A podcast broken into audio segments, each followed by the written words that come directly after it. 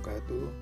Gimana kabarnya teman-teman? Semoga kita semua selalu diberikan keberkahan Dan apa yang kita lakukan hari ini dapat bernilai pahala di hari akhir kelak. Amin, amin, ya rabbal alamin. Pembahasan kita pada episode kali ini yaitu pada perhitungan zakat investasi dengan topik reksadana Studi kasusnya, Dodi memiliki jumlah total investasi di reksadana sejumlah 250 juta. Nah, bagaimana perhitungan zakat investasinya?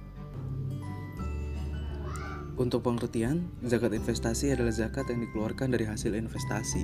Investasi sendiri adalah menyediakan barang untuk dijual manfaatnya, bukan fisiknya. Dengan demikian, zakat investasi dikeluarkan dari hasilnya, bukan dari modalnya. Hasil investasi dikeluarkan zakatnya karena hasil investasi merupakan bagian dari mal atau harta. Karena adanya kemiripan yang berlaku antara hasil tani dengan investasi, perhitungan zakat investasi dilakukan dengan cara menganalogikan zakat hasil tani. Jadi persamaan zakat investasi dan zakat hasil tani adalah sama dalam perhitungan. Untuk nisab zakat investasi, nisab atau batasan yaitu 5 usuk atau 653 kg beras. Untuk harga beras saat ini per kilo yang paling bagus itu biasanya 10.000 dan yang standar bisa ada 6.000, 7.000. Kita ambil analogi dengan mengambil rata-rata nilai tengah untuk harga 1 kilo di harga 8.000. Maka didapatlah hasil nisabnya untuk investasi yaitu kisaran 5 juta 224.000. Untuk kadar zakat yaitu 5% dari penghasilan bruto atau 10% dari penghasilan neto. Nah, bruto dan neto tadi merupakan cara dalam menghitung zakat. Bisa dihitung melalui bruto atau nilai kotor dari total penjualan maupun neto, penjualan bersih, keuntungan bersih dari hasil penjualan investasi. Dan kapan waktu mengeluarkannya? Zakat investasi bisa dikeluarkan setiap kali panen atau menghasilkan atau setiap kali kita penjualan. Dilansir pada Bareksa, di mana hasil keuntungan investasi menjadi penghasilan bagi investor sehingga dapat dikenakan pajak penghasilan. Hal ini tercantum dalam Undang-Undang Pajak Penghasilan atau UU PPH bagian ketiga tentang objek pajak. Kendati demikian, rupanya saat ini ada produk investasi di aset keuangan yang tidak dikenakan pajak atas hasil keuntungan investasinya yaitu reksadana. Hal ini berdasarkan Undang-Undang PPH pasal 4 ayat 3I yang menjelaskan reksadana atau memegang unit penyertaan termasuk bukan objek pajak. Saat ini, reksadana bisa dibilang sebagai satu-satunya jenis investasi yang tidak dikenakan pajak secara langsung atas hasil keuntungannya.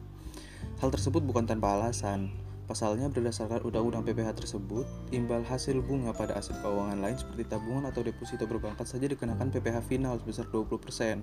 Kemudian keuntungan capital gain atau bunga pada produk pasar modal seperti saham dan obligasi pun dikenakan PPH final masing-masing sebesar 10 dan 5%. Nah, lantas kenapa hasil keuntungan reksadana ini bisa tidak dikenakan pajak? Reksadana ini merupakan produk investasi yang menghimpun dana dari masyarakat, kemudian dana tersebut dikelola oleh manajer investasi ke dalam berbagai aset keuangan seperti saham, obligasi, dan deposito. Ketika dana terhimpun, reksadana tersebut menjadi subjek yang mewakili kumpulan dana dari masyarakat atau kita sebut investor. Reksadana sebagai subjek untuk memiliki nilai aktiva bersih NAB ini merupakan hasil selisih dari perhitungan total aset reksadana berupa kas, deposito, saham, dan obligasi, dikurangi dengan kewajiban atau beban reksadana. Kewajiban reksadana ini meliputi biaya manajer investasi, bank kustodian, broker efek, pelunasan pembelian aset, dan pajak. Pada perhitungan NAB tersebut, pajak juga menjadi salah satu kewajiban yang dibayarkan oleh reksadana dalam suatu pengelolaan portofolio reksadana oleh manajer investasi. Nah, sehingga dalam hal ini sebenarnya investor telah membayar pajak atas hasil investasi pada aset reksadana secara tidak langsung. Oke, kita masuk di topik studi kasus tadi di mana Dodi memiliki jumlah total investasi di reksadana sejumlah 250 juta. Kita mulai masuk pada penghitungan. Di sini menggunakan dua cara yaitu neto dan bruto.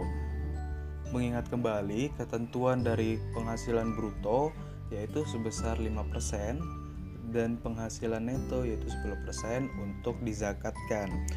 Untuk perhitungan bruto sendiri dari kasus 250 juta berarti 250 juta dikali 5% akan menghasilkan 12 juta 500 ribu.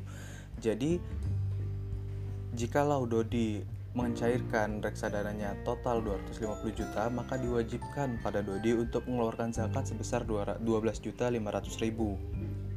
Lain hal jika kita menghitung dengan neto.